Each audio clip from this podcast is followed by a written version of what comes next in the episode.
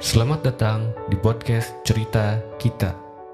Di podcast Cerita Kita ini, saya akan membacakan buku-buku dan bercerita melalui puisi yang saya buat sendiri. Jika kalian ada yang mau request buku apa yang ingin saya bacakan, atau tulisan kalian ingin saya bacakan, silakan komen di channel YouTube saya, Podcast Cerita Kita, atau melalui Instagram ceritakita.ind. Selamat mendengarkan, semoga cocok.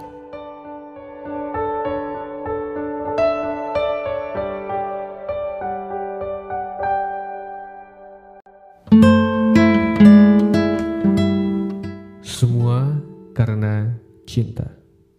Karya Halil Gibran. Bab pertama di balik kesunyian. Di balik kesunyianku ada kesunyian lainnya.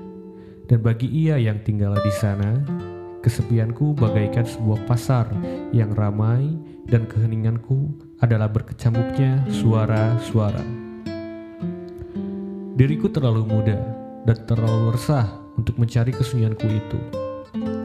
Suara-suara dari lembah jauh di sana masih terngiang di telingaku, dan bayangan-bayangannya menghalangi jalanku, membuatku tak kuasa pergi.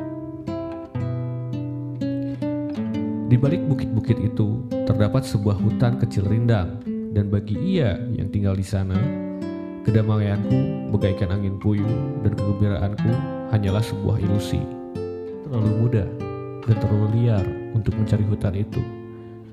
Amis darah masih melekat di bibirku dan busur anak panah ayahku masih tergenggam di tanganku, membuatku tak kuasa pergi. Di luar diri yang menderita ini, hidup sosok diriku yang bebas.